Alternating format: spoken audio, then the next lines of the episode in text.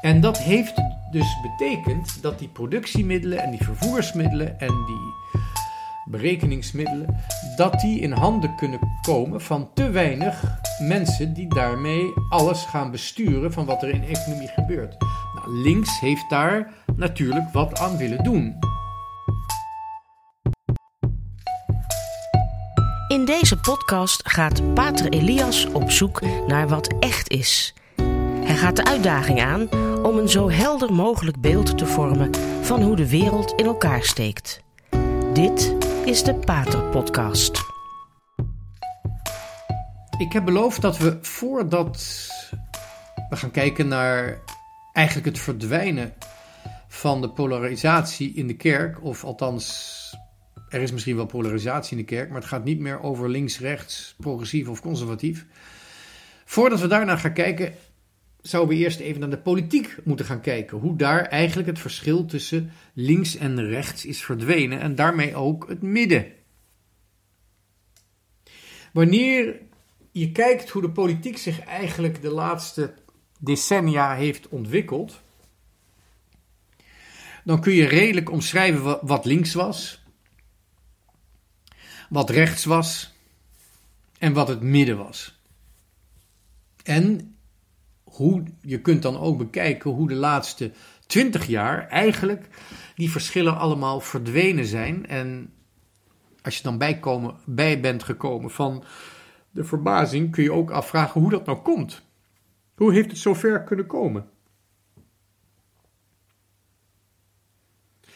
Over het algemeen had vroeger links te maken met het opkomen voor de belangen van arbeiders. Door de industriële revolutie waren er bepaalde misstanden ontstaan. Die hadden te maken met het feit dat productiemiddelen in handen waren gekomen van relatief weinig mensen. Ik ga geen oordeel uitspreken op wat nou goed of slecht is. Ik ga niet zeggen ik kies voor links of rechts, links of rechts. Maar je kunt zeggen dat de hele, het hele problematiek van de industrialisatie, dat, dat had als als kernpunt de verdeling van de rijkdom, maar vooral de verdeling van de instrumenten waarmee die rijkdom werd voortgebracht. Er waren machines en eigenlijk ruim voor die machines was er een financieel stelsel. En Wanneer je kijkt naar Nederland, een land dat overigens vrij laat met de industriële revolutie is begonnen, dan zie je dat daar niet zulke extreme tegenstellingen bestonden zoals bijvoorbeeld die in Engeland hebben bestaan. Ook Duitsland, een vrij laat geïndustrialiseerd land, daarin waren de industriële verhoudingen eigenlijk al stabieler dan in het oude Engeland en misschien ook het oude Amerika die industriële revolutie die kwam op gang rond de stoommachine, kolen als energiebron. En dat gold dan vooral voor het Engelse imperium.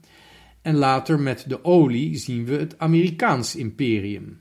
De groei van die imperia is natuurlijk vooral door de, eh, door de toenemende eh, communicatiemiddelen geweest. En Amerika is als dominante macht, als het ware voorovergevallen door min of meer ongewild aan twee wereldoorlogen deel te nemen. Hoe dan ook, binnen die beschaving waarin productiemiddelen ongelooflijk krachtig worden en machines, wanneer je fysiek kijkt, dat die machines eigenlijk het merendeel van het werk gaan verrichten. Bijvoorbeeld, stel voor dat u allemaal in de trein zou zitten van Amsterdam naar Utrecht en de reizigers zelf voor de energie zouden moeten zorgen om die trein vooruit te krijgen. Dan zouden we dus allemaal als het ware op een fiets in die trein zitten en dan zouden we met z'n allen heel hard moeten trappen om die trein een beetje in beweging te brengen. En uh, ja, ik denk dat we wel heel erg hard zouden moeten trappen met heel veel mensen. wanneer we die trein uh, met 100 km per uur van Amsterdam naar Utrecht zouden laten rijden. Het zou een heel leuk gezicht zijn. Wanneer we al dat werk zien, ook in de scheepvaart, al dat werk ook in de productie. Die energie is onvergelijkbaar veel meer dan de energie die de mens zou kunnen verzetten. De machines doen eigenlijk alle lichamelijke werk tegenwoordig. En daar krijg je natuurlijk ook nog de revolutie van de computer bij. Ook de computer berekent nu al veel meer dan de mens überhaupt kan berekenen. En trekt ook conclusie die de mens dus zelf niet zou kunnen trekken. De machines beslissen veel voor ons. Misschien even ook om in de marge een kanttekening te maken dat de term artificial intelligence, waar de nieuwe generatie zo vol van is, eigenlijk volkomen verkeerd is. Het is jammer dat wij het verschil niet maken tussen het verstand en de reden. Oftewel intelligence en reason.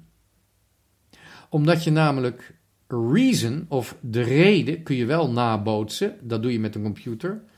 Maar intelligence en het verstand, die kun je niet nabootsen. Hoe, groot, hoe, hoe graag de mens het ook zou willen, het is een droom. Wij kunnen geen ziel scheppen met een intelligentie erin. We kunnen wel de menselijke reden nabootsen. Ik vraag me af of dat AI, Artificial Intelligence, niet de meest ultieme en de meest subtiele vorm van idolatrie is, afgoderij. Hoe dan ook, bepaalde rationele berekeningen en gedachteprocessen, ook die kunnen worden nagebootst door de computer. Ik noem dat AR, Artificial Reason.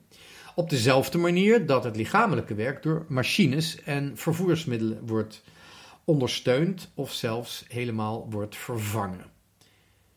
En dat heeft dus betekend dat die productiemiddelen en die vervoersmiddelen en die berekeningsmiddelen, dat die in handen kunnen komen van te weinig mensen die daarmee alles gaan besturen van wat er in economie gebeurt. Nou, links heeft daar natuurlijk wat aan willen doen.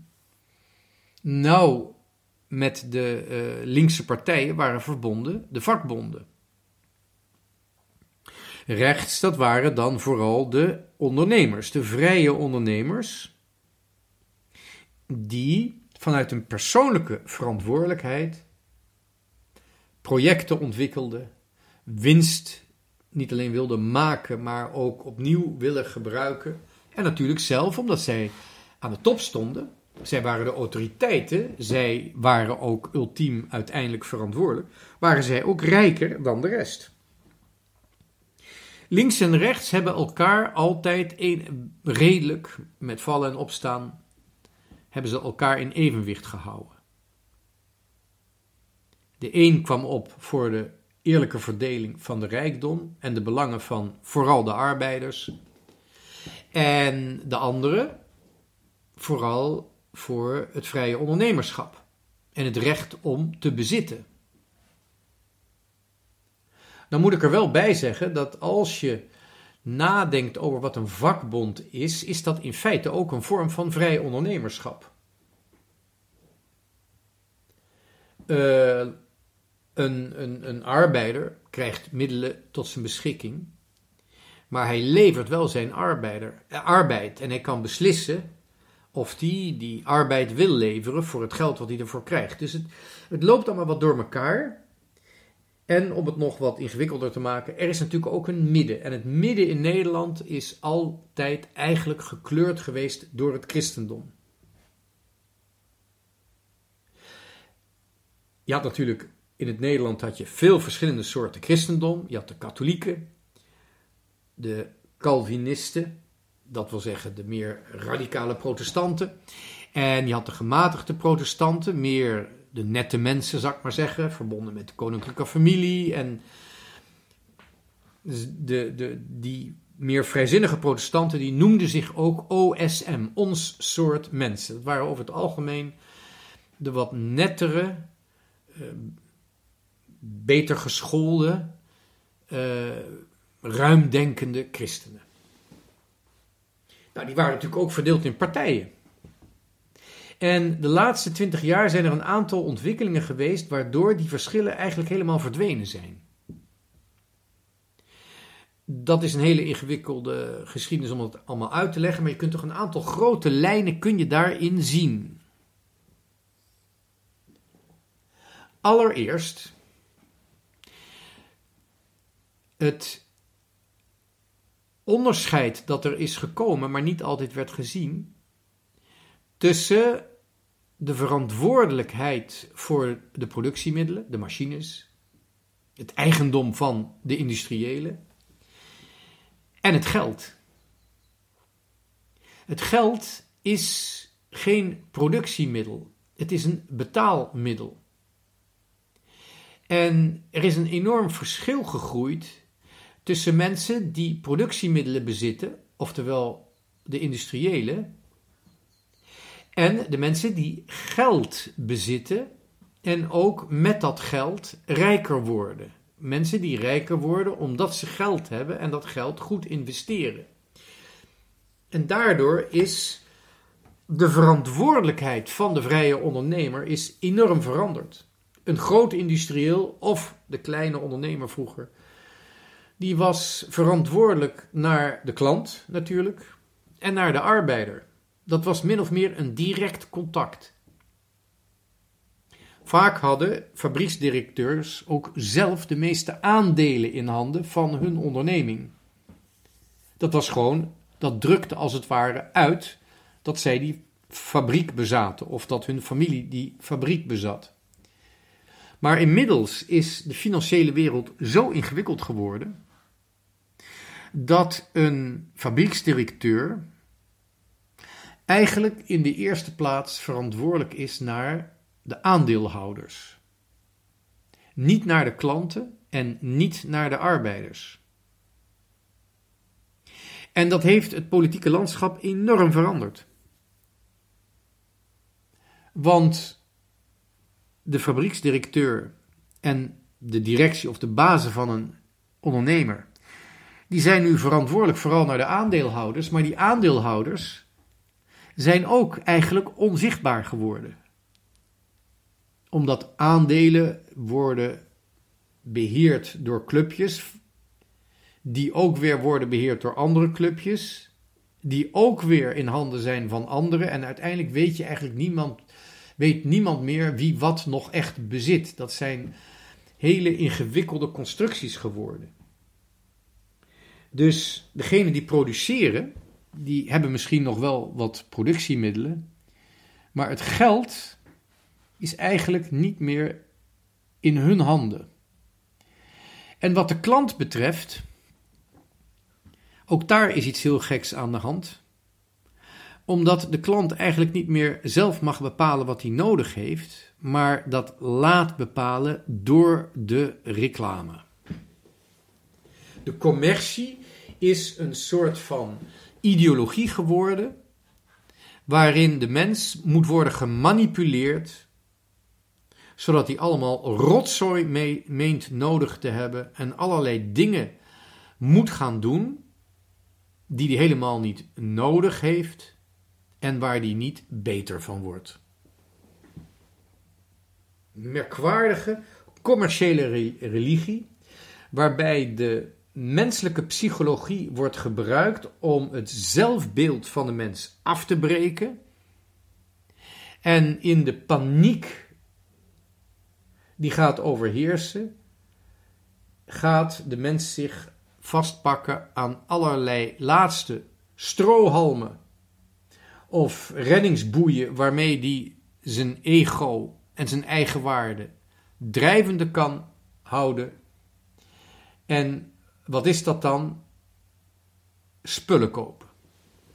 Eigenlijk is de hele markt, de zogenaamde vrije markt van vandaag, is een soort van karikatuur geworden, ik zou bijna zeggen een demonische uh, uh, karikatuur geworden van de aflaathandel uit de middeleeuwen. Koop iets en je hoeft jezelf niet meer te veroordelen.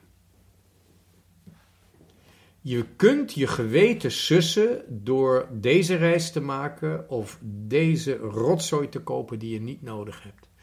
Het is een beetje een extreme manier van uitdrukken, maar het is wel wat er gebeurt. Dus het hele productieproces wordt in stand gehouden door een kunstmatig opwekken van verlangens, van begeertes, die dus ook zelf steeds kunstmatiger worden en steeds minder bevredigd worden, kunnen worden. Het zelfbeeld van de mens wordt afgebroken. En dat allemaal om de groei in stand te houden van een financiële winst van wie niemand precies meer weet van wie die is, aan wie die toekomt en wie er nou precies waarvoor verantwoordelijk is. En in dat klimaat, want ik heb het gehad over de klant, over de aandeelhouder, maar waar zijn de arbeiders gebleven? Ik hoor niet zoveel meer van de vakbonden. Af en toe is er nog wel even een staking ergens, maar de vakbonden zijn eigenlijk toch wel een beetje uit het landschap verdwenen. En heel veel mensen hebben voor korte tijd een baan, maar sluiten zich niet meer bij een ondernemer aan voor langere tijd. Natuurlijk is een bedrijf of een ondernemer, onderneming geen gezin of familie of misschien een vervanging van het geloof. Natuurlijk niet, een bedrijf is een bedrijf, maar de werknemer is wel heel onstabiel geworden. En is er dus ook weinig reden meer om een vakbond te hebben. Het hoort toch wel een beetje bij de disintegratie van onze samenleving dat we geen echte vakbonden meer hebben, omdat mensen zich niet meer binden aan één bedrijf. Ook dat is zo'n wonderlijk verschijnsel. Ik kom zelf uit gematigd rechts, vrijzinnig protestants, conservatief milieu. Mijn ouders waren VPRO-lid en stemden op de VVD. Wie had ooit gedacht dat ik anno 2023 zou zeggen: ik mis de vakbonden. Tot zover het verdwijnen van rechts. Maar ook links is verdwenen. En er is één factor waardoor links is verdwenen, merkwaardig genoeg. En dat komt vooral omdat in de tachtiger jaren het revolutionaire denken, het progressieve revolutionaire denken dat de maatschappij en de beschaving niet omver wil werpen, maar toch heel erg ingrijpend en radicaal wil veranderen. Dat is in de tachtiger jaren eigenlijk van kleur veranderd. Van een economische insteek is het gegaan naar een morele insteek. Met andere woorden, de socialistische revolutie is vervangen door de seksuele revolutie.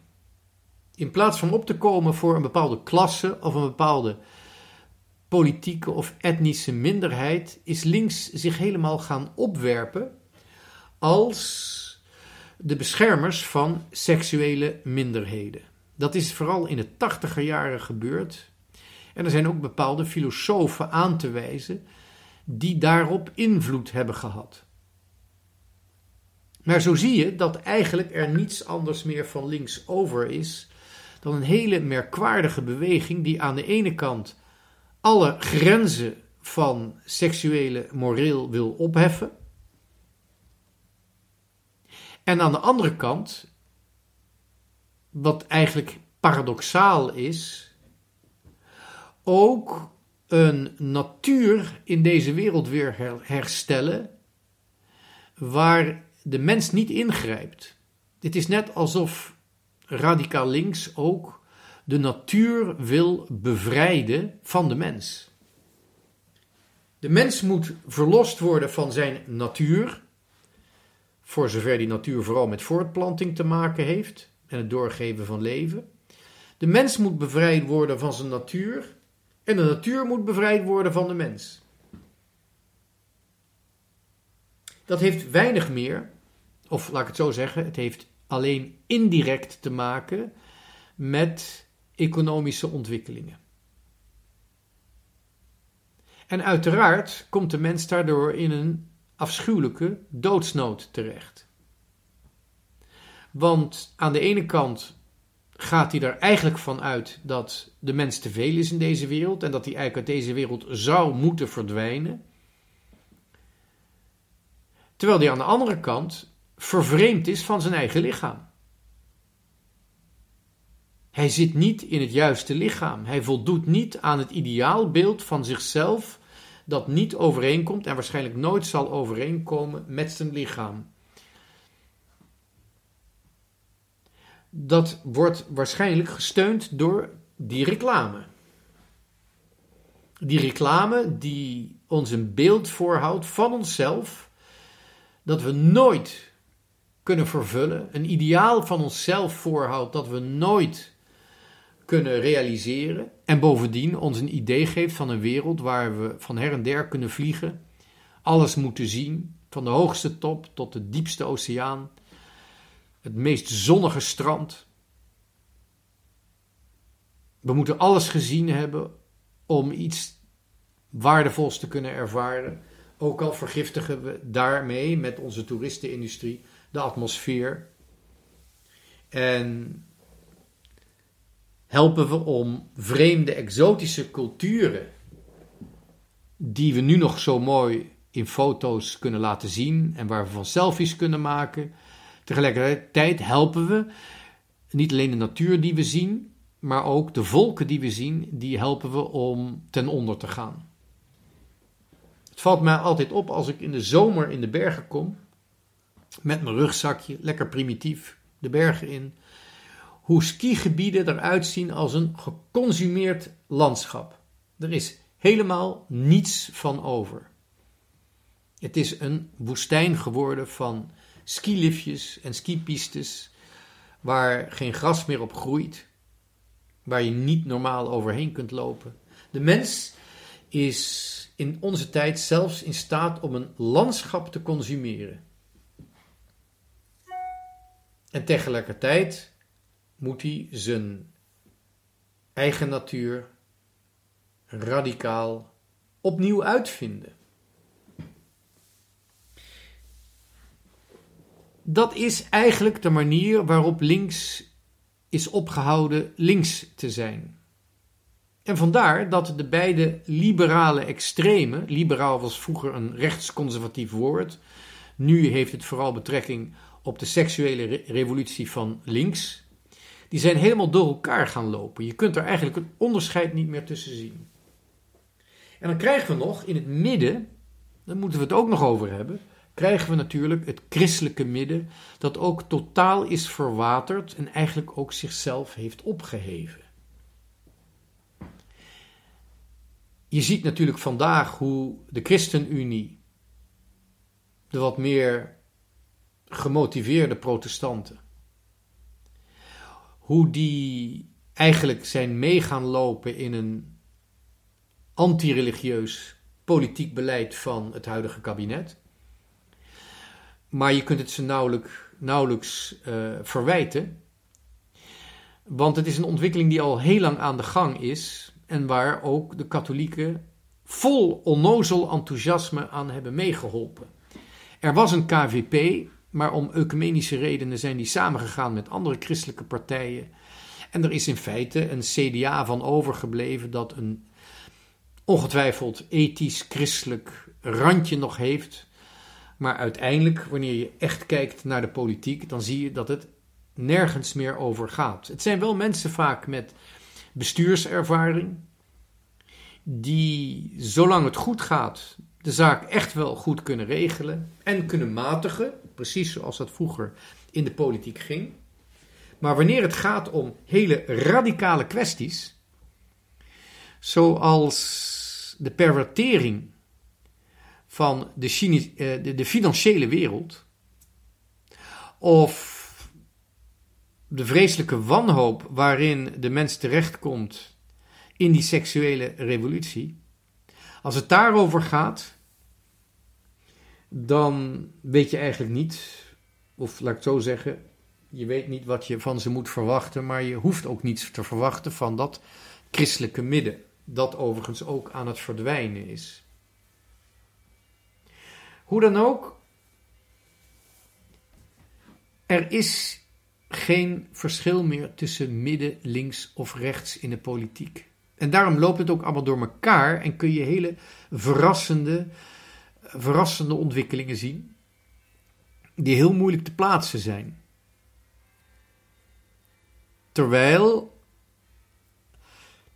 de politieke disintegratie gewoon doorgaat en er wel degelijk wordt gezocht naar, gezocht, gezocht in ons land naar nieuwe uitgangspunten, naar een nieuwe insteek. Waar gaat het werkelijk over?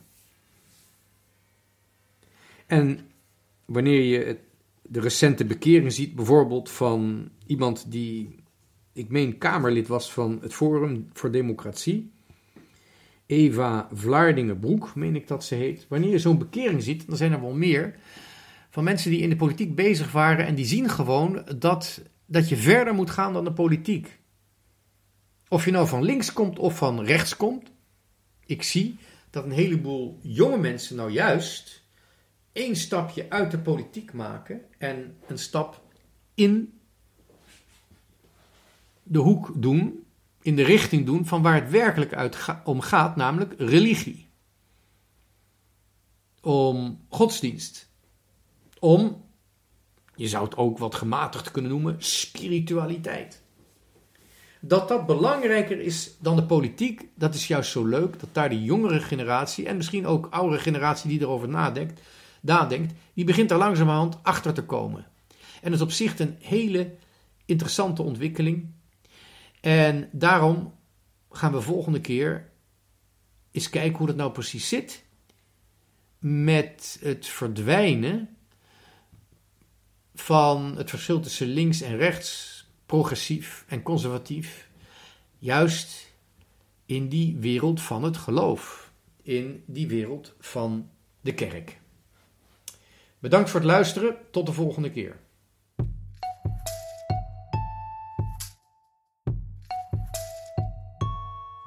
Dit was de Radio Maria Pater Podcast met Pater Elias. Deze podcast is online terug te luisteren via de website van Radio Maria en andere podcastplatforms.